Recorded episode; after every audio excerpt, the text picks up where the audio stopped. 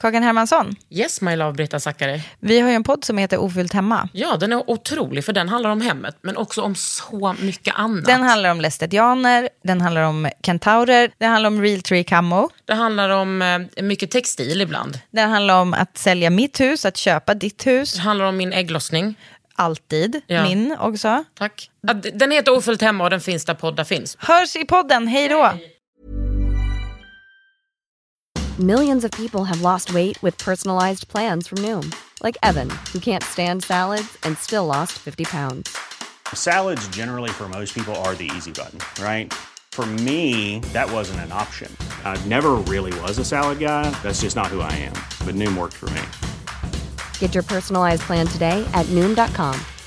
Real Noom user compensated to provide their story.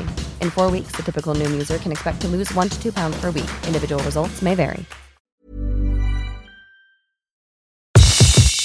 Det här är en podd från L. Idag kommer legenden Fredrik Robertsson hit och vi pratar HBTQ, haute couture, Carolina Gynning och Regnbågsfonden. Och det är inte ett tråkigt avsnitt. Yes! Under huden.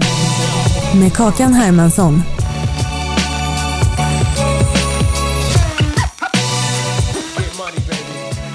Fredrik Robertsson, äntligen är du med i min podd. Spelar vi in nu? Ja. Ja, okej, bra. Eh, vänta, vad är det så?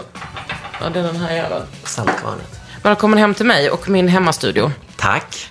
Alltså, vi har ju vi har ändå känt varandra länge. Men jag har så svårt att liksom, eh, alltså på ett positivt sätt, att capture vad du är. För att du är bara överallt och kan typ så mycket och är så mycket. Ja, är det en fråga? Det är typ en fråga och ett påstående och det är liksom ja. bara... ja, det är väl bra att man utstrålar det, kan jag tänka mig. Ja, Allt kan definitivt inte. Men ehm, Mycket. mycket kanske. Var är du ifrån? Stockholm, Tyresö. Tyresö. Och där växte du bara upp med liksom två föräldrar. Nej, ja, två föräldrar. Men vi är uppvuxen i Norge och i Singapore. Så jag kom hem till Sverige eh, till gymnasiet. Okej, vad gjorde du i Norge och Singapore? I Norge var jag barn och var på dagis. I Singapore så eh, gick jag i skolan, mellan och högstadiet. Ah, för att dina föräldrar jobbar där? Pappa jobbade där. Ja. Med vad då?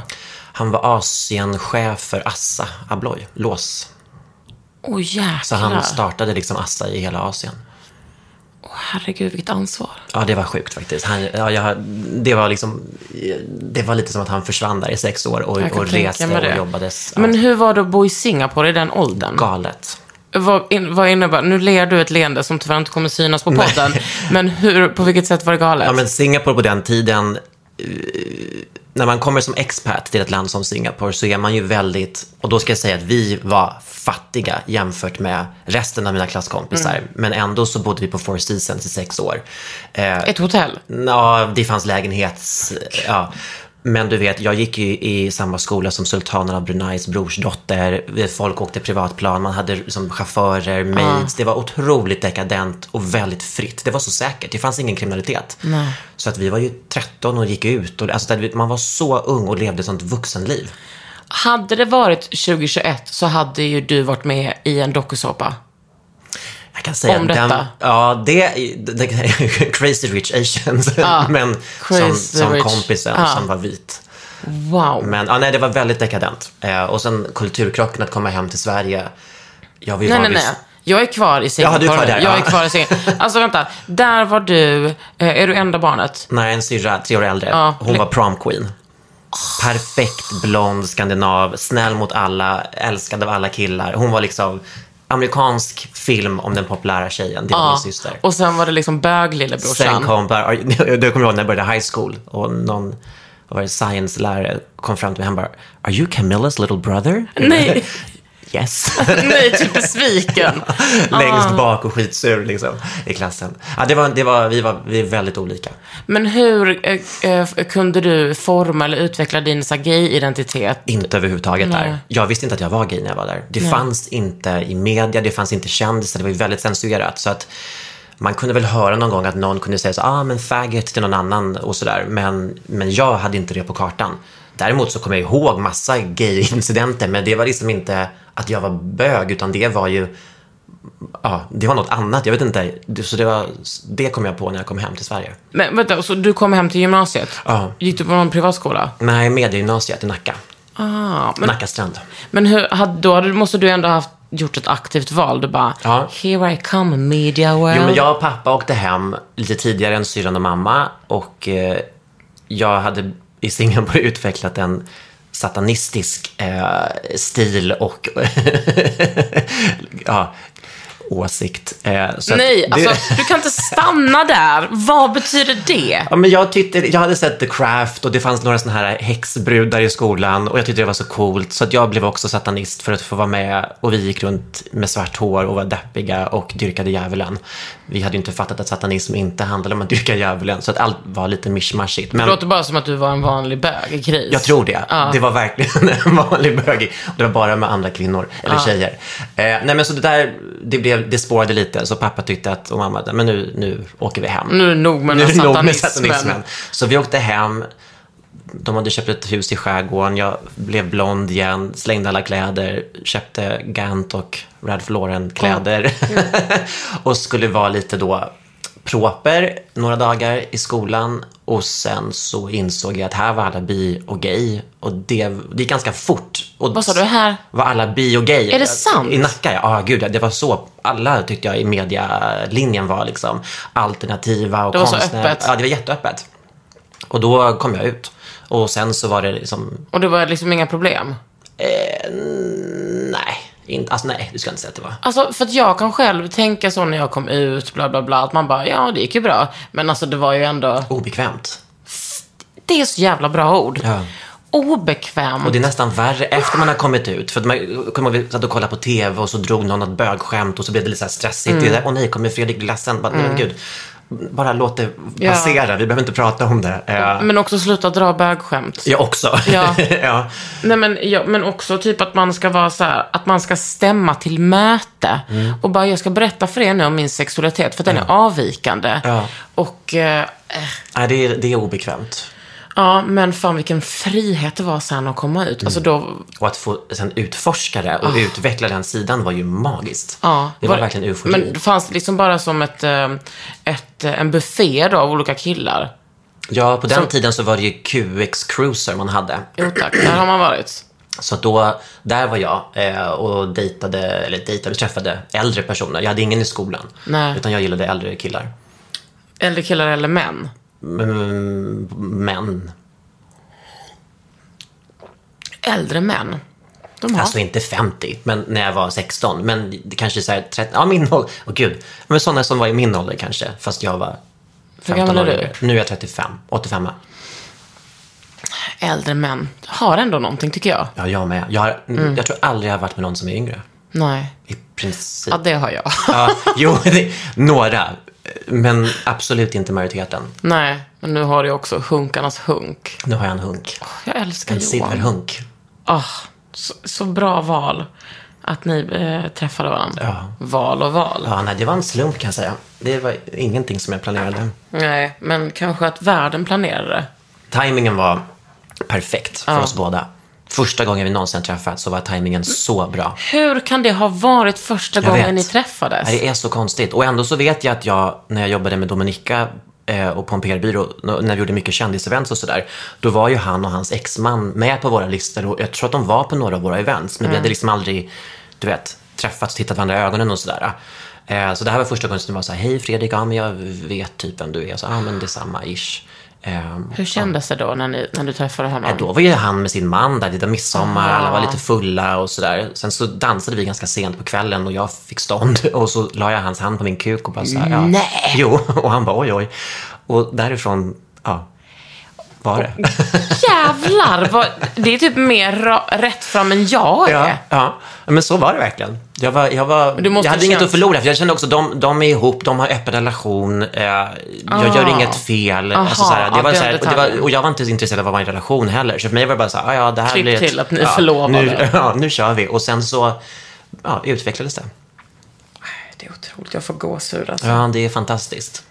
Också kul att, att få ha lärt känna honom lite. Han är så jävla fin alltså. Han är otroligt snäll. Och hur du är med honom. Hur är det med honom då? Trygg. Ja, det är Jag är lugn. Alltså, en sån, en sån ödmjuk självsäkerhet, typ. Mm. En sån fin... Uh, usch, jag börjar nästan gråta. En sån um, kärleksfull utstrålning. Mm. Alltså, jag älskar när människor man gillar blir kära och typ träffar någon. Ja, det är en stor händelse faktiskt att vara med om. Ja, gud ja. Undrar om det... Jag nästan, ja, kom en liten tår här nu. Ja. Men, men, okej, men vad hände sen? För att du har ju liksom, du har bara surrat runt i min närhet. Och så tänkte Ja. jag, vem är den här personen? Men nu Ja. vet jag ju det, men vad, vad hände efter gymnasiet? Jag fick praktik på en PR-byrå som hette Mafioso. Dominika Persinski drev den. Och jag Men okej, vänta, vänta, vänta. Ja. Du, du, gick, du tog studenten. Nej, Vad- nej, det här var praktik. Det här var ju eh, andra, vad säger man, andra ring. Men gud, okej, men hur liksom, vad hade du för kontakter? Ingen alls. Mamma hade läst om henne i Femina och så skulle vi hitta praktik och så sa hon, den här kvinnan tror jag någonting för dig. Gud, det där är så min mamma-culture också. Och det var så hela spot on, så att jag mejlade faktiskt bara Dominika. Jag kollade upp hennes hemsida och skrev att jag ville ha praktik där. Och eh, hon svarade och sa, ja men kom förbi. Och så det första hon sa var, är du bög annars får du inte vara här. Och då så sa jag, oj, ja, jo men det är jag. Jag har inte riktigt berättat det för så många och sådär. Hon bara, nej men det gör inget. Så, när kan du börja? Ja, nästa vecka. Och sen så var jag där och hon var otroligt generös med att lära ut allting. Så att hon tog med mig på alla middagar hon var bjuden på. Som jag fick träffa men hela mediaeliten via henne. Ehm, och hon gav mig stort ansvar. Hon sa, nu måste du fixa in kunder till byrån. Och jag var liksom 17. Och jag bara, aha, du vet, ringde runt till olika märken och bara, hej, får vi göra PR för er? Sådär. Och så fick jag in några kunder och sen så rullade det på långsamt. Och sen så var jag med henne efter gymnasiet. Jag blev delägare. Nej. Jo. Så jag köpte in mig. Så hon och jag drev den, eh, vad kan det ha varit, ett, två år ihop. Och sen så hoppade jag av och startade eget. Och då var du starta Pretto. Ja, och då var jag 21. Men alltså, skulle du säga... Hur mycket har det här med din barndom att göra? Att du är liksom fostrad i så här, ja, men bra skolor, självförtroende. Har du höga krav på dig hemifrån för dina föräldrar? Nej, jag, jag tror faktiskt att det där är någonting som är medfött. Jag, min syster är högpresterande, alltså hon gick Handelshögskolan och är väldigt så här högpresterande. Och hon var prom queen, inte att förglömma. Inte att förglömma, det är ju hennes claim to fame där. men eh, nej, jag har inte upplevt en, en press så, men jag tror att de har varit väldigt, ehm, vad säger man, encouraging. Alltså mot, de har peppat den och funnits där och sådär. Men jag har nog inte upplevt det som att, oj nu måste jag leverera, utan jag har varit i en sån annan bransch. Jag var en sån udda fågel i vår familj, så att de, hade, de kunde nog inte riktigt kanske peppa inom mitt, men du vet, de kunde föreslå bara, bara du, satanisten, om du bara kör Ja, så är så vi kommer det nöjda. bli bra. Ja. Men vad, eh, alltså men jag tänker att ja, man kan bli uppmuntrad, men man kan också bara typ, att det kan finnas som en sån, eh, vad ska jag säga, eh, mentalitet hemma. Att så här, alltså det är självklart att Mm. du kan bli någonting. Som hemma hos mig, så här, ni kan bli vad ni vill. Mm. Ja. Oavsett om ni vill bli makeupartister eller läkare, så allting funkar. Kanske inte fullt så, men en, de har varit stöttande i de valen jag har gjort. Jag, har inte varit, jag tror att det kanske hade varit... Nej, de hade nog stöttat mig även om jag skulle bli konstnär och sådär. Men jag tror att de har sett att det finns mm, en businesspotential och en ekonomi i det jag kanske valde och det kanske gav en trygghet på något sätt. Vad gör din syrra nu då? Hon är hemma med sina barn. Alltså menar du som att det är... Nej, Hon är hemmafru. Men vad hände med hennes eh, Hon handels... tröttnade. Hon gick handel, hon blev inköpare på Åhléns och hade ett bra jobb och sådär. Eh, Men hon ville vara hemma med sina barn när hon fick dem. Så att hon eh, har varit hemma med dem i, ja, vad är det, sju, åtta år. Wow. Mm. Hon valde dem, hon sa dem helt och aldrig varit lyckligare. Men Fan, där kan man säga att, på tal om då feminism och sånt där, att hon har ju haft väldiga problem med att behöva försvara hennes val Mm. att någonstans dedikera sitt liv till sina barn och sig själv. Att det är ju provocerande idag Gud, för ja. Mm. andra kvinnor att en kvinna väljer ett sånt liv.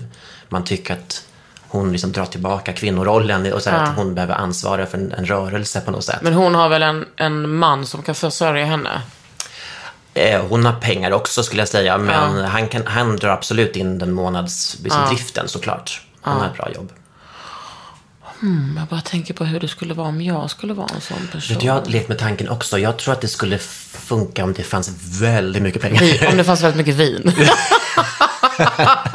Ja, men man hade liksom många hus och det var liksom att, att någonstans Att man har- hemmalivet blev en heltidssyssla. Att man behövde hålla koll på personalen som städ. Ja, du vet att det liksom fanns att sitta hemma i en trea och bara glo, det hade inte jag pallat. Men om det fanns en herrgård och trädgårdsmästare och någon poolpojk, då hade det varit en Vad sa du? Inte pool... poolpojke. Ja, precis. Inte en pool, utan en poolpojke. med en pool. Då hade jag kunnat vara hemma, hemmafru tror jag. Ja. Nej, men eh, jag tror inte det, Fredrik. Du skulle aldrig nöja dig med det. Men jag Så här är på det... saker. Nej, men, ja, men så här är det ju alltid med. Charity work Nej men, jag, nej, men jag har, jag ska sluta jobba. Nej, jag ska göra detta, jag ska flytta. Ja, jag Klipp. Det Och sen inte. så bara är du tillbaka. tillbaka. Ja. Jag vet. Men jag gillar pengar. Det är, min, det är mitt problem. Att jag får något erbjudande eller någonting händer så bara så här, fan det här är ju kul. Klart jag ska göra det. Och sen så står man där och bara, fan tackade jag ja till den här skiten för? Det var ju inte så kul. Nej. Men rik Men du blev jag. ja. Men vad ska du göra med alla dina pengar? Jag köper kläder för dem och konst.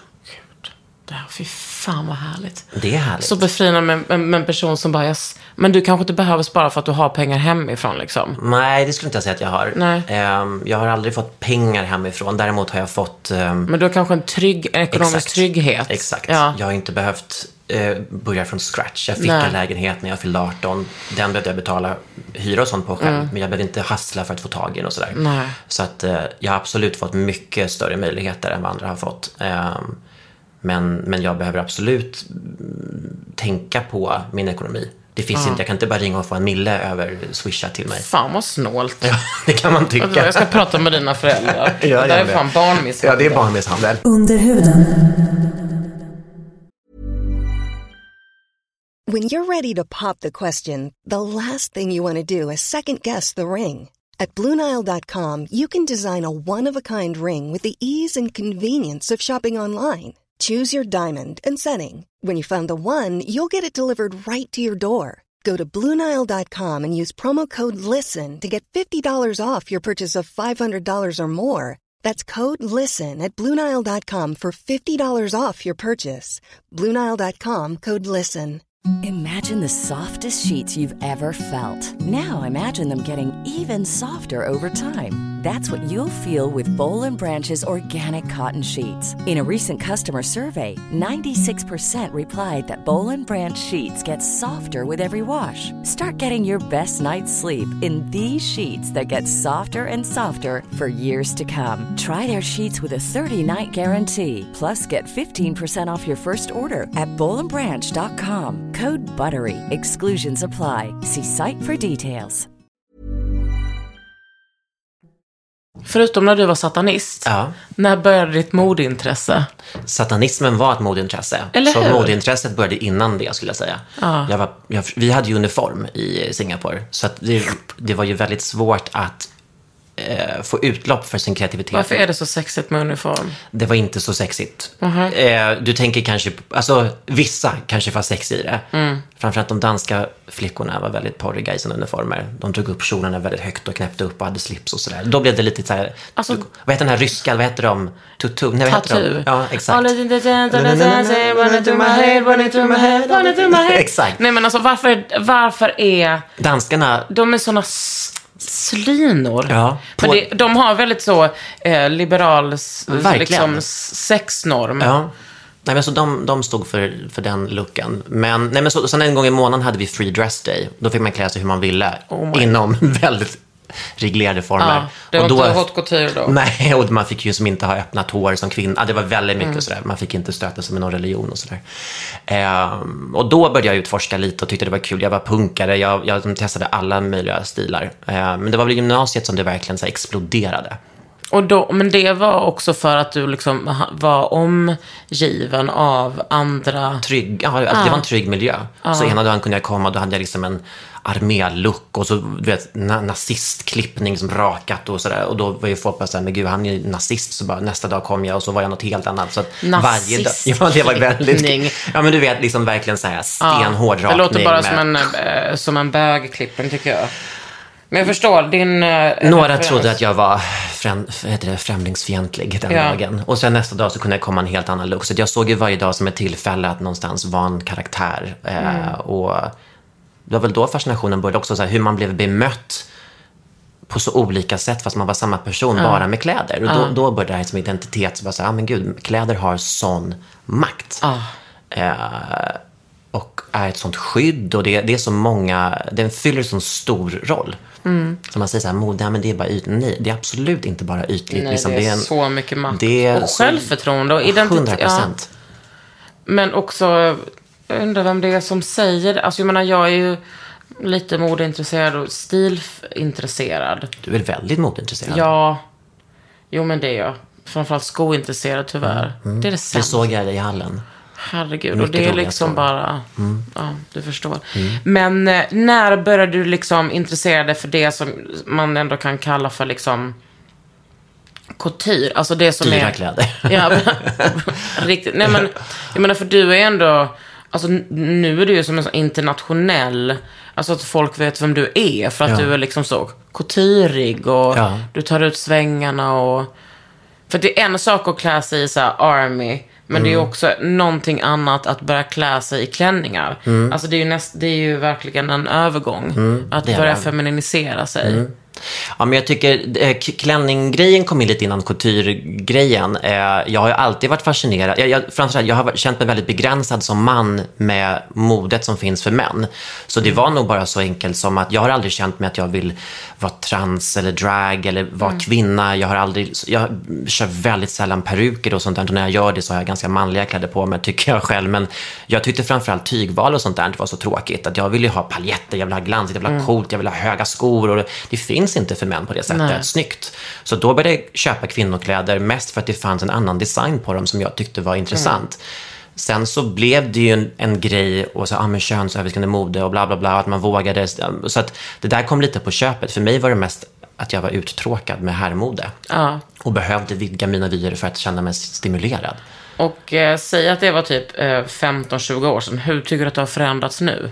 Eh, samhället, Nej, ja, men Eller jag. också modet för män. modet, eh, inte jättemycket. Eller hur? Nej, det, står, det är väldigt styrt av det traditionella. Jag tycker att det finns ju såklart vissa som försöker, men det blir ju aldrig en succé, för det är så få som efterfrågar det. Så det, det handlar ju väldigt mycket om demand. Alltså så här, vad, vad vill män ha? Ja, det är ju inte det jag vill ha. Nej, och också att man blir så strass, straffad Väldigt. När man klär sig så. Och det är intressant det där med, jag vet inte riktigt när det började med just det här med att som kvinna som klär sig i traditionella manskläder, kostymen och sådär, Mm. så ses man som ett powerhouse och man är hård och man är liksom Ja, sådär, och för man har man, an, respekt. man anammar det manliga som Exakt. innehåller det. Men att det kvinnliga ska ha en sån effekt på en man att går in med en pennkjol som man på ett styrelsemöte. Då är det bara ett fucking freak. Du är, du är ett freak. Och det där är väldigt, tycker jag, fascinerande när det blev så. För att männen långt tillbaka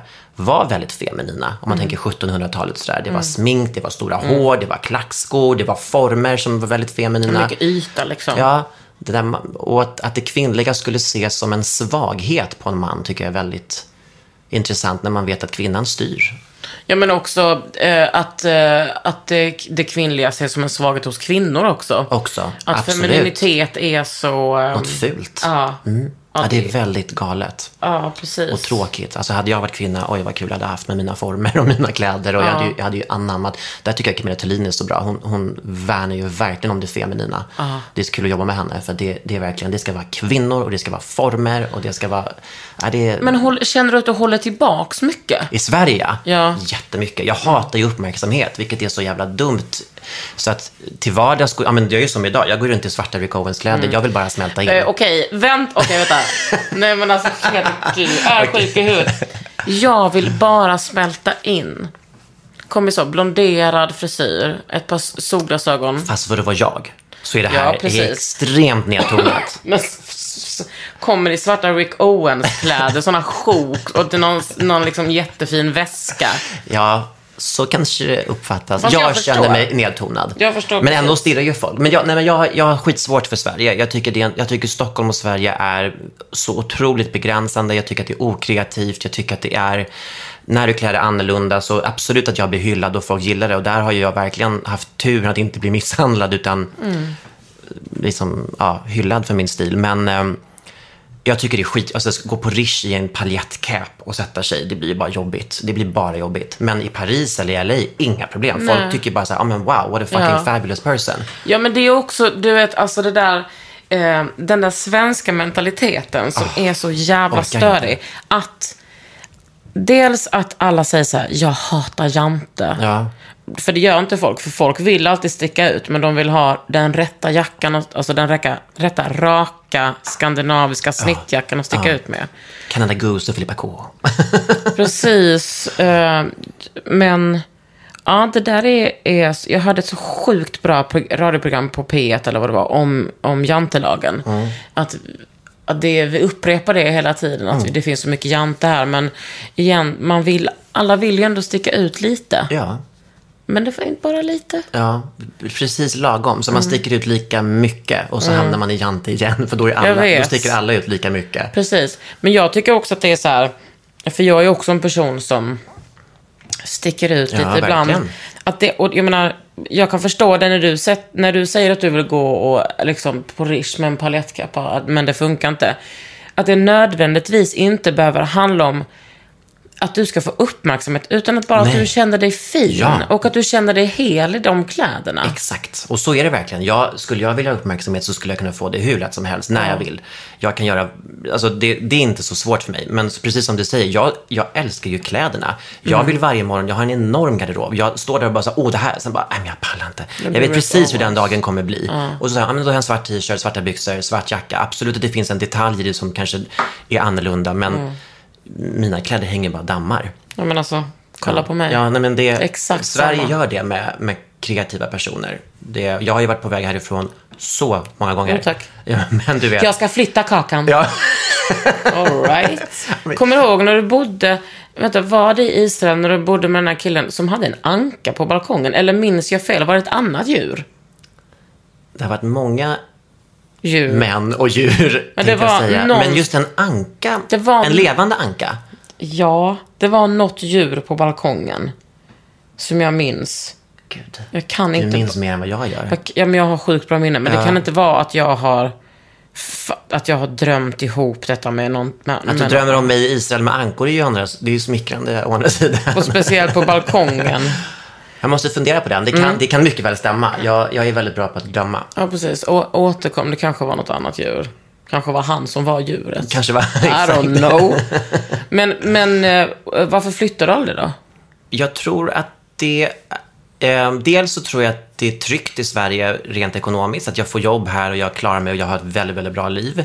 När jag skulle till Israel så, så var jag faktiskt på väg. Eh, men jag hade fortfarande min, min byrå. Då var det liksom så okej, men ska jag sälja min byrå, flytta till Israel där jag är en nobody, bo med en man som har barn, han bor hemma hos sin mamma, han är 43. Vad blir det för liv? Eh, Den lilla detaljen, att han bodde hemma hos sin mamma. Var det kanske hon ja. som var ankan?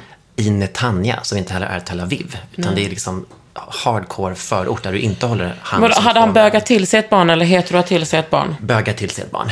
Han, var, han var gay. Men, nej, men så där blev det liksom, det blev en... Det blev ju knepigt och att flytta själv till Tel Aviv är ganska svårt som svensk. Du måste ha en, en eh, local som kan vet, gå, i- god för dig. Du får inte köpa en lägenhet där om du inte har en jude liksom, som signar off. Um, LA har jag varit, på väg till några gånger. Där är det samma sak. Det är, ekono, det är en ekonomisk fråga. för Jag har så höga krav på min livsstil. Jag, vill vara, jag vill vara rik och, och ha möjligheter. Och att börja om tar emot lite. Att, att vara en nobody i LA eller en somebody i Stockholm. Vet, Man, väger upp det där. Det är typ ingen som erkänner sånt. Nej, men det gör jag.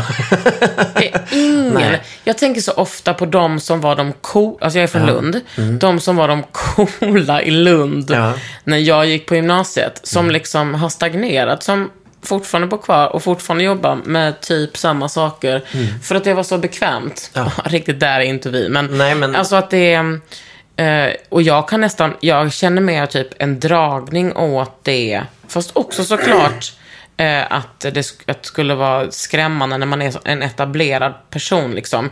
Men att jag älskar att komma till andra länder. Men det är jag Där också. folk bara behandlar en som skit. Ja, men det är jag också. Och det, är det jag älskar med Israel, för där blir man verkligen behandlad som skit. Men det är just det där, okej, men hur, hur blir mitt liv? Jag, jag skaffar en liten lägenhet, jag, måste skaffa ett jobb s- som är ett vardagsjobb. Alltså då, då, och då någonstans blir Stockholm mer attraktivt för så här, ja, men här har jag en frihet, här har jag en möjlighet.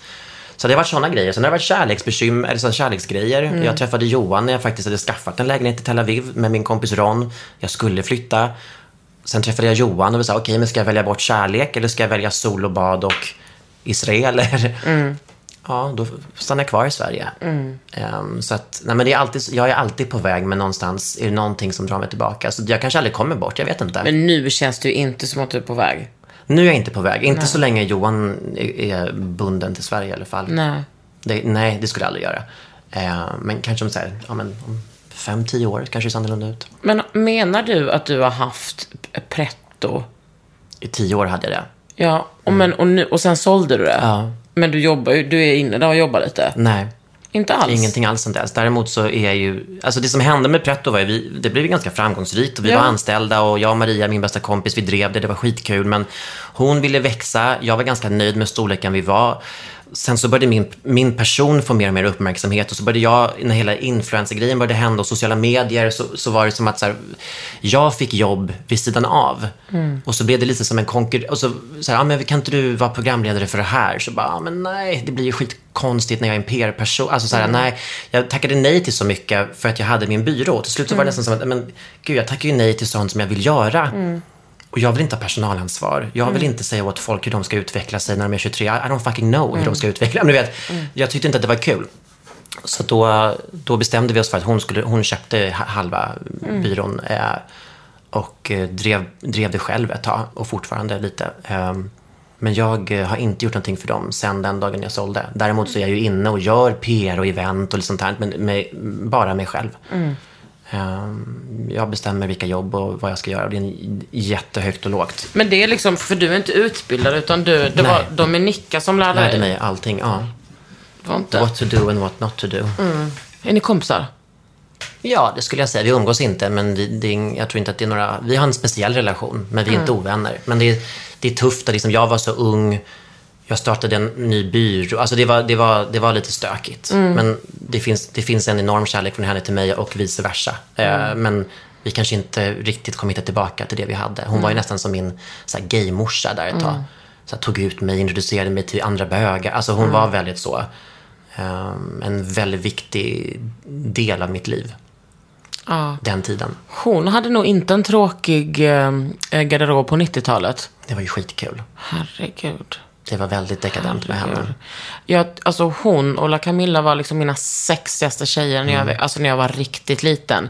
Jag, kun, jag kunde inte förstå, alltså jag var så imponerad av, eh, ja men Att äga sin sexualitet. precis, alltså när andra tyckte liksom att de bara var horiga så var jag så här: wow. Ja. De är så confident. Och alltså jag menar, det har ju hänt så jävla mycket sedan dess. Ehm, nu kan ju kvinnor äga sin sexualitet Ja. på ett annat sätt. Ja. Ja, då alltså, nu är man ju liksom Megan Thee Stallion och, och Cardi B. Men då var det ju bara haram. Alltså då, alltså, de, sen så var det ju liksom en show. Men de var Fast ju... det där fanns ju i dem också. Gud ja. Det- Men jag tror folk har tyckt att de var liksom galna. Ja, absolut. Nej, men jag kommer ihåg sen när Gynning slog igenom med Big Brother och Åh. vi började hänga, liksom, vi var på Rish och du vet, Dominika och Gynning satt där med du vet, push-up och tuttar och hår och läppar och du vet, hela Rish cirkulerade ju kring det här bordet med den lilla bögen som satt bredvid de här två Amazonkvinnorna som bara ägde. Så att, nej, det var, det var jättefascinerande. Alltså Carolina Gynning är ju... Ja, eh, hon är så jävla fantastisk. Jag kan inte ens, eh, alltså, jag kan inte ens formulera mig om vad hon... Också att hon alltid varit så, några år äldre. Och sen så att jag alltid har liksom har sett henne på avstånd. Liksom för att Mm. Ni, vi, ni umgås inte, eller ni känner inte varandra sådär? jo, Ja. vi är bekanta. Mm, ja. Men eh, jag tycker att hon är så... hon är så jävla cool. Alltså hon, Hon är, är en, av de, cool. en av de som jag tycker är coolast. Ja, jag Av också alla. faktiskt. Jag kommer ihåg en gång så var vi på NK, det var också precis efter Big Brother-tiden när hon verkligen var så här superkänd. Mm. Och hon stod med sitt blonda hår, så hade hon sin lilla hund och så stod hon på den här pälsbutiken precis när man kommer för rulltrappan. Och, och det stod liksom folk runt den här pälsbutiken och fotade och som tittade på henne. Vi var ensamma i butiken för ingen riktigt vågade gå in heller. Och hennes hund du vet, kissade på golv. Men hon var helt obrydd. Ja. Vet, hon skulle bara prova den här pälsen och bara ja, Ja. ja, och telefonen ringde och det var bara kaos. Och man bara så här, men gud, du märker inte ens att det pågår liksom en hel Nej. Apparat kring dig just Och nu. så har hon bara blivit så eh, liksom eh, reducerad till att vara ett våp. Ja, nej, hon är väldigt mycket mer än så. Ja, jag menar alltså det är fine att bara vara ett våp. Absolut. Men hon är liksom, eh, Nej, hon är grym. hon är otrolig. Hon är skyldig mig en tavla dock, som jag fortfarande inte har fått. Om du hör detta Carolina Gynning, Du vet vart jag finns. precis, och du vet var jag finns också. Nej men jag, jag, jag vill ju att hon ska vara med i podden, men det är bra, jag suger på karamellerna. Jaha. Men, aha. Alltså jag menar, jag har ju sugit på dig jättelänge. Ja. Jag vill ju att det ska, jag vill, man vill ju portionera ut folk. Alltså, eller liksom, Hur ofta gör du då, podden? Är det en gång i veckan? Eller när du vill? det är en gång i veckan, men nu har jag ju varit sjuk och haft den här eh, njurbäcksinflammationen. Fan, vilken mardröm. Så då låg jag inne. Och, sen, och var så jävla trött efter det. Och eh, jag vet inte. Ja, men jag är, ursäkta. Jag är ju återhämtad från min second covid. Hur är du återhämtad? Ja, men, så, ah, lungorna är fortfarande väldigt trötta. Jag hostar fortfarande och sen, jag blir andfådd så fort jag anstränger mig. Vilket skämt det är alltså. Ja, det är helt galet. Man är så trött. Men eh, annars är det okej. Jag vill veta när du gick från att eh, gilla couture till att konsumera. Couture. Alltså när köpte du din första liksom sjuka klänning? Ja, exakt. Ja, men det var, jag blev medbjuden i, till Paris. Jag gjorde en boklansering om mode som en amerikansk kille hade gjort. Och han bjöd med mig till Paris, till Coutureveckan efter Ellegalan precis. Och så tog han med mig på alla visningar och jag var bara så här, oh, det, här Och hur är- gammal var du då? oh, det här var kanske sju år sedan. Vad är jag då? Jag är 27, 28 typ. Ehm, nej men så var jag där och han intresserade mig för alla, han kände alla, jag fick träffa liksom otroligt mycket kul folk och då eh, köpte jag ingenting. Sen åkte jag tillbaka veckan efter och fick ju sitta längst bak typ och sen, jag var jättenöjd bara vara där. Eh, sen så började jag märka att, för jag klädde ju upp mig som fan till de här visningarna, så utanför så blev det en så här riktigt så här paparazzi-frenzy kring mig. För att jag var snubbe, jag kom i de här kläderna och sådär. Så att ganska snabbt, är en ganska liten värld, så började märkena och PR-personerna förstå att så här, ja, men det där är en person som drar uppmärksamhet. Sätter vi honom bredvid Anna de la Russo eller Karin Mm. Rottweiler, då blir det liksom en rolig bild. Så att jag fick väldigt bra platser väldigt snabbt och sen så började designers Wow, du är sån jävla strateg. Jättestrateger. Wow, ja. that's cool, men jag jobbar mig in som fan. Eh, och sen så var det en designer som jag tyckte jättemycket om och då så gjorde han en jacka till mig. Och Det var väl kanske sex, ja, sex år sedan typ. Och sen dess har jag försökt köpa någonting varje säsong. Nej men, Fredrik. Ja. Det var en designer som jag gillade som gjorde en jacka till mig. Hur, hur kommer man dit? Vad, vad menar du? Ehm, jag följde med två väninnor som skulle köpa kläder av honom och gå på fitting och liksom sådär. Och då följde jag med och jag blev kär i en plagg. Vi började prata. Sen så är det turer fram och tillbaka. Man får ett pris, man får en chock, man förhandlar. och sen så är man igång. Man får skisser, sen så mäter de upp kroppen och sen går man dit på några fitting. Wow. Så det är en halvårsprocess att få ett plagg. Jag, har, jag väntar på en grej från Iris van Herpen nu som har tagit över ett år att få. Så det är otroligt långa eh, liksom, processer. Men då måste jag fråga, vad, vad kostar liksom en jacka eller en klänning? Jag skulle säga om du ska köpa fransk haute couture så kostar det från 150 000 till 3 miljoner.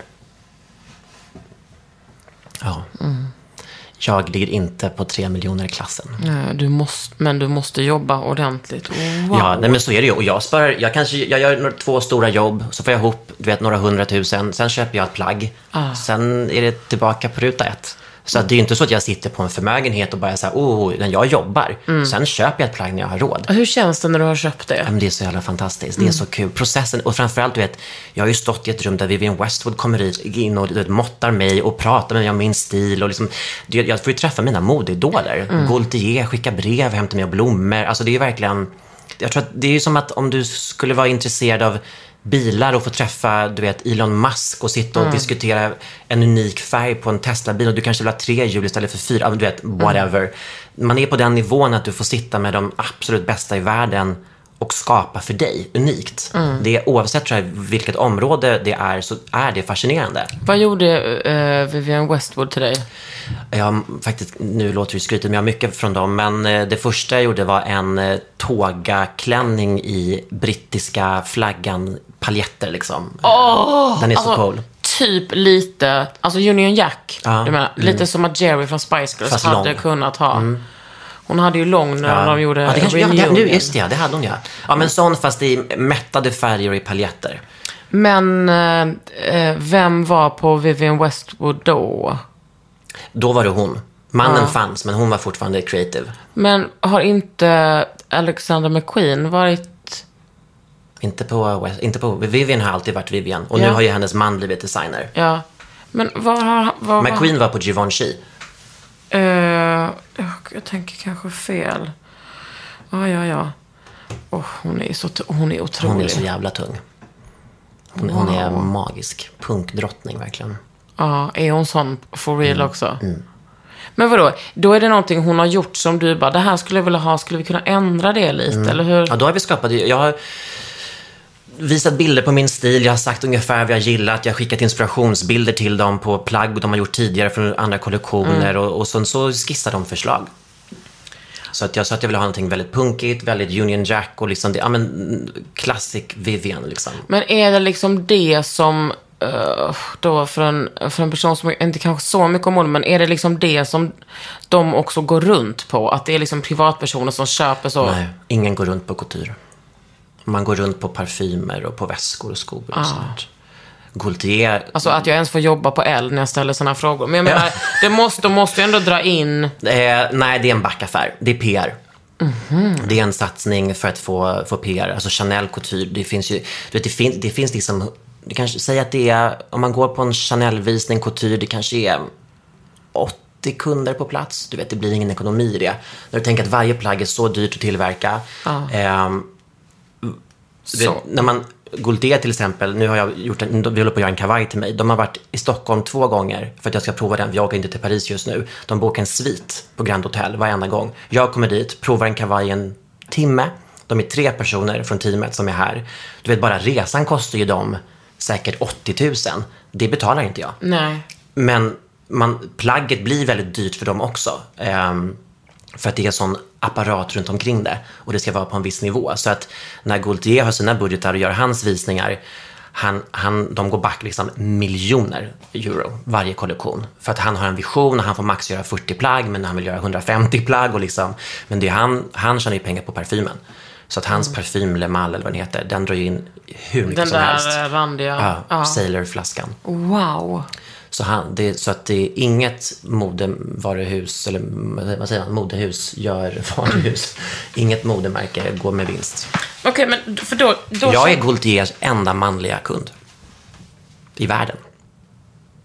Vad menar du? Jag är den enda mannen i världen som köper couture från Gaultier. Det är ju helt bisarrt med tanke på hur många bögar det finns. Ja, men inte någon som vill ha Gaultier couture. De sa att det fanns en japan för några år sedan som hade köpt någonting. En kille. Men att annars är jag den, jag är liksom den som, ja, Det tycker jag känns helt bisarrt. Ja, och tänk då när du är som Paul Gaultier med den estetiken han står för. Ja. Och så finns det en gaysnubbe med blått hår Ja. som vill göra en cone bra Ja. kavaj. Du vet, de tycker att det är så kul. Ja. Men för då känns världen plötsligt så enormt liten. Jätteliten. Jag brukar alltid tänka så här. Vem är det som har råd att köpa det? Så tänker jag. Finns massa människor, Kakan, Mm. som är jätterika. Det finns, vi har Ryssland. Vi har stora Saudi. Mm. delar av, ja, precis, av Asien. Och liksom Mellanöstern. Alltså, jag, då känner jag mig så, då känner jag bara, gud, världen är så stor. Men när du säger det där. Men jag, är det också- jag var också förvånad. Är det också att de inte tillåter vem som helst att köpa? För så måste det ju vara. Så är det absolut, men jag tror inte att de skulle neka... Alltså, jag får inte handla till exempel från Chanel. Jag, är som, jag som man får inte handla damcouture, för det, det, de är, och Elisab fick inte jag beställa ifrån. Eh, de vill inte klä män i deras kvinnokläder. Så där går man in på en tradition som de inte vill rucka på. Vilket jag kan förstå lite, för att jag kommer aldrig bli en sån kund som blir så pass stor som en Saudi-prinsessa. Och att hon ser mig i en kaftan som hon kanske var sugen på, fast en annan färg. Du vet, då är hennes business borta. Så jag, jag, har, jag har en respekt för det, att man måste tänka kommersiellt. Men, Då förstår jag. Så att vissa, vissa tillåter inte att, neka den och sådär. Men de flesta tycker det är skitkul. Viktor och Rolf och liksom så här, det, är, det är många som, Ja. som verkligen uppskattar mig som snubbe och att man tolkar eh, deras plagg och gör det anpassat för en kille. Om du hade fått, eh, om du hade fått drömma då? Säg tre plagg från tre modehus. Där det bara var så här, absolut hjärtat, kom hit. Och någon betalar. Någon schysst betalar. L- Eh, ska de leva idag? Nej.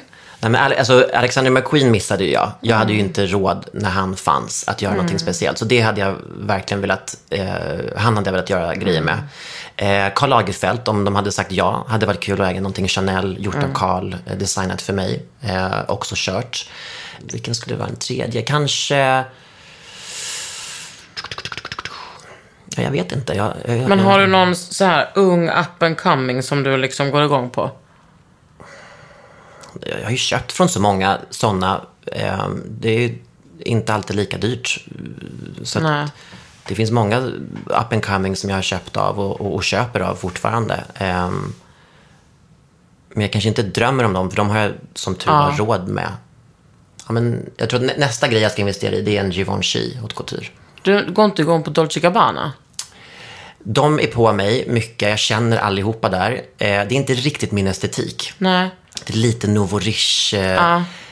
Det är så, liksom, alltså det är så gullig. italienskt lite att... Liberace on Ja. Jag vet inte. Det är, jag, jag, jag har varit där och nosat. Jag går alltid dit och tittar när de har sina visningar och sådär. Men mm, Det var ju så... Alltså det det är också var ju... väldigt, väldigt dyrt. Jag kollade på en opera-cap. Den, den skulle de ha 1,4 miljoner för. Och då känner jag så här, en cap för 1,4 miljoner. Fa- ta det lugnt. Ta det lugnt. Precis. Men de, är också, de har också varit lite osofta, sagt så konstiga saker. Ja, det det- sjuka är att de är ju verkligen inte det de säger. Och det här med att de var anti-gay, de är ju själva gay. De, de driver ju med det där och trycker t-shirts där de, de liksom... Alltså, så jag, jag har inte riktigt greppat de inte jag där heller. uttalanden för att de Nej. bara skrattar. Jag bara så här, men det är ju inte så kul. Nej.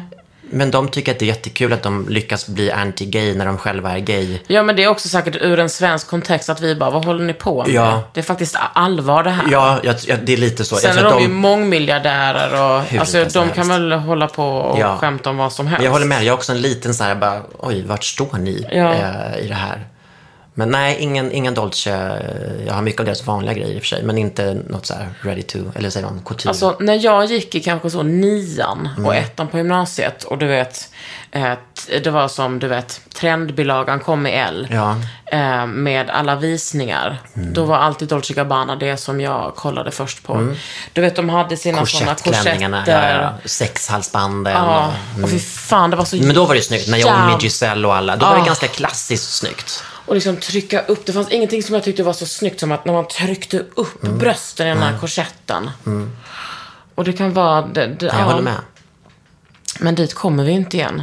Det kan ju bli lite, det kan bli för barockt liksom. Ja, Eh, lite. Ja, precis, den estetiken är svår. Men jag har också jättemycket vanligt Dolce Gabbana. Skoja. Ja. Har jag inte.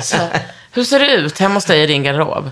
Ehm, Jag har, inte, vi har inte renoverat den, så den är faktiskt inte så flott som man kanske kan tro. Det är massa, massa klädhästar och garderoben. Den är helt, den är superrörig. Jag gjort en jätteinvent- när vi flyttade ihop så gjorde jag en jätteinventering. Jag gick igenom alla liksom, förråd och lager och kartonger och verkligen rensade ut. Jag sålde jättemycket kläder. Vad säljer du det då? Jag gjorde faktiskt en privat eh, grej hemma hos mig. Jag ställde upp massa klädhästar, la ut på Facebook och så fick folk boka tid att komma hem. Aha. Och så donerade jag hälften till Regnbågsfonden. Ehm, så det har jag gjort. Sen har jag sålt via vissa såna här sajter. Aplace har sålt lite grejer och sådär. Man får ju ganska lite pengar för Har du det. Men, sålt på vestiär? nej, faktiskt inte. Ehm, jag, är, jag är ganska oteknisk. Jag gillar att bjuda bort grejerna och låta någon annan göra Jag det. vet, så skönt. Det är väldigt skönt. Mm. Och sen har jag sålt jättemycket på Bukowskis. ehm, på deras modeaktioner. Ah, hallå, vi måste prata om regnbågsfonden. fonden. Mm. Och den har du startat? Nej, inte startat. Jag sitter i styrelsen. Den startades, eller grundades av Jonas Gardell, Jon Voss som startade QX och Arto som äger Mälarpaviljongen. Så de tre grundade den. Och När då? Oh, det borde jag veta.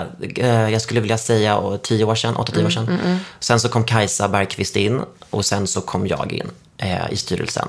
Och eh, vi stödjer ju hbtq-organisationer i världen finansiellt i länder där ja, regnbågspersoner blir trakasserade eller ibland mördade eh, för sin läggning. Så att vi samarbetar med väldigt många organisationer. Vi jobbar till exempel med Childhood och försöker belysa regnbågsfrågor för dem så att de när de är ute så kan de hitta, ja men det här finns det en regnbågsanknytning till det här projektet där vi kan gå in och stötta, för då kan vi gå in med pengar, ge det till Childhood och Childhood kan i sin tur ta det vidare och så kan man använda deras resurser. Hur mycket pengar får ni in? Är det bra med stålar? Ja, det skulle kunna bli mycket bättre. Under covid har det varit lite mindre, men det, det, vi, vi ligger på några miljoner eh, per år som vi får in. Eh, men som sagt, det skulle kunna Mm. Fan, bli... vad coolt. Ja, det är skitkul. Och så har vi ett tiotal projekt som vi stöttar. Eh, allt ifrån små privata initiativ. Det kan vara en transkvinna i Uganda som behöver fly och hon behöver Mm. 700 euro till en flygbiljett. Alltså det kan vara på den nivån. Och sen så som sagt, kan det vara med GAPF eller med Childhood där det är liksom Mm. års eh, ehm, som vi finansiellt stödjer. Men ehm, eh, finns det någon som sitter och jobbar heltid i Regnbågsfonden? Nej, inte direkt. Vi har, vi har eh, två personer som jobbar på kansliet på halvtid, eh, som knappt tar ut någon lön. Så att vi, vi har väldigt låga administrativa kostnader, just för att vi vill kunna... Så alla vi, jag någonstans sköter lite sälj och marknadsföring. Eh, Ja, Jon- du är bra på det där alltså. Ja, och Jonas i, och, och Jon har en enorm liksom, kunskap inom och kan hitta projekt och har ju chans att nå ut på ett helt annat sätt. Så alla har lite olika roller inom fonden. Ehm, så att, eh, men eh, det, det är superkul att ha som projekt vid sidan av allt det ytliga. Att också få de här mejlen från personer som bara så här, ah, nu är det 30 personer vars hyra vi betalar i ett safe house i Moskva. För att de kom från Tjetjenien och så får man höra dem. Ja, man blir väldigt, mm, det, det är så lätt att glömma hur bra vi har det. Eh, det finns ju såklart alltid saker som kan utvecklas och förändras, men bara en sån sak att Thomas Sekelius kan bli Tone Sekelius och bli älskad av alla. gud, det, är alltså, så, det- det... är så vackert. ja, All den så kärleken. fint. Du vet, det är, uni- ja, jag också. Det, är, så- det är unikt för Sverige att det kan bli så Ah. älskat. Jag har faktiskt inte frågat henne om det finns mycket hat också. Men av det man har sett så verkar det vara väldigt lite. Och det, att, att den tryggheten finns. Ja, och- I alla fall kanske hos offentliga, ska vi säga. Det kanske absolut är svårt Ja, för... men vi måste också få, alltså jag, menar, jag är mycket för att liksom politisera och problematisera allting. Och då, och då är det så jävla skönt att det är så med henne. Mm. Att hon kommer ut och bara allting är, Självklart på något sätt. ja och att det liksom, för folk säger alltid så, åh, nästa generation eller liksom den generationen, som, de kommer bli mycket bättre. Man bara, nej, Mm. Nej. de är sjuka i huvudet. Ja. Men det här visar ju ändå att det finns liksom unga personer out there som stöttar. Mm, verkligen. Jag tror också att, klart att det är jobbigt för henne att, att, att komma ut. Men Absolut. jag tror också att hon kände att det fanns, Den, det stödet. Mm. Det tror jag också. gud, ja. Jag tror den här podden handlade om skönhet. ja isn't Ibland. That, isn't that beauty? Jo, absolut. Solidaritet med hbtq-personer. Jo, det var en konstig övergång i och för sig från mig. ja, den här podden, Nej, men för jag lyssnade på ett avsnitt, då var det väldigt mycket skönhet. Ja, men du vet, först handlade det om skönhet. Det var för att jag skulle liksom avväpna och etablera mig hos människor. Och sen smög jag in feminism, politiska, ja. Mm. transfrågor, antirasism. Alltså du vet, det, det måste vara så. Vet du vad jag ska göra nu? På dejt. Nej. jag ska på dejt med havet. Jaha, vart då? Jag har hyrt Saltsjöbadens kallbadhus. Hyrt? Alltså hela? Ja. Kan man det? Watch me. Men Mm, gud, jag gör vad det coolt. eh, då och då. Och så åker jag och mina tjejer dit. Men gud, Sen vad brukar jag också plåta typ ähm, äh, samarbeten där. Hur är omklädningsrummen där? Är de så gamla och vackra eller är det så här, mm, så här Men typ- kakel och... 80-tals, äh, ja. Men vi är på härbadet faktiskt, för att det är större. Jaha, såklart det. Ja, precis. Men, ja. Män behöver space när de badar. När de ska spreada liksom. Exakt. Men det känns ju väldigt, alltså Saltsjöbadens härbad, alltså det känns ju väldigt gay. Ja, det tror jag. Jag har aldrig varit där faktiskt. Jag har åkt förbi. Eh, men eh, jag älskar det. Jag älskar att vara där på nu, men Men kan älskar... vem som helst hyra det? Eller är det någonting som Man du måste känner vara någon? medlem. Men, aha, okej. Nej, de... Det spelar ingen roll vem jag är där. Tror jag. Nej, nej, men tänk om du kanske kände en ägare och de bara, ja men kom till minnan så är det Nej, lugnt. Nej. det är en förening också tror jag.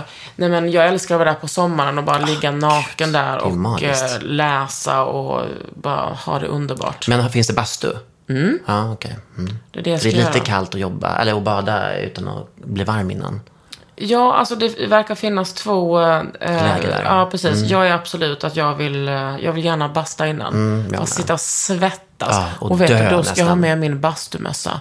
Som är en ullmössa som ser ut som en tehuva. Mm, som jag, precis. Ja, Och den är till för att, kyla ner skallen, för då kan man basta så mycket längre. ja exakt. Och sen går man ut och så bara lägger man sig i det där iskalla. Hur många är det som åker då? Fyra. Ja, gud vad härligt. Det här måste jag göra. Fredrik, tack för att du äntligen eh, kom hit. Så ärad att få vara här. Ja, jag är så glad för att du kom hit. Du är Ja, okej. underbar. Detsamma. Och vi har längtat tills när vi är klara med covid att vi ska göra något kul. Förstår du? Tänk. Ja, blir, ja, det blir ingenting allt. Det är inte ens framskjutet Nej, i år. Det är bara nej. borta. Ja. Och du vet, Ellegalan för mig är så här varje år. ja, jag vet. Du är liksom... Har du vunnit årets, årets look? Eh, nej, det var eh, blickfång. Ja. Årets något, blickfång. Ja, något, något ska du ha. Ja, ska du ha. exakt. Du, tack för att du kom hit. Tack. Jag heter Kakan Hermansson. Och jag heter Fredrik Robertsson. Bra, du har lyssnat på Underhuden!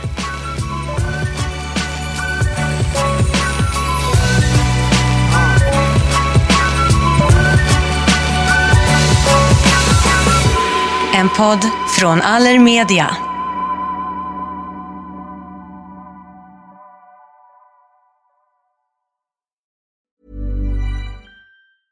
A lot can happen in three years, like a chatbot may be your new best friend. But what won't change? Needing health insurance. United Healthcare Tri Term Medical Plans, underwritten by Golden Rule Insurance Company, offer flexible, budget friendly coverage that lasts nearly three years in some states. Learn more at uh1.com. Even when we're on a budget, we still deserve nice things.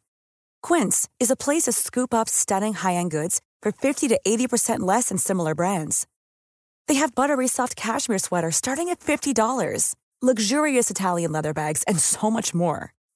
Plus, Quince only works with factories that use safe, ethical, and responsible manufacturing. Get the high-end goods you'll love without the high price tag with Quince. Go to quince.com slash style for free shipping and 365-day returns.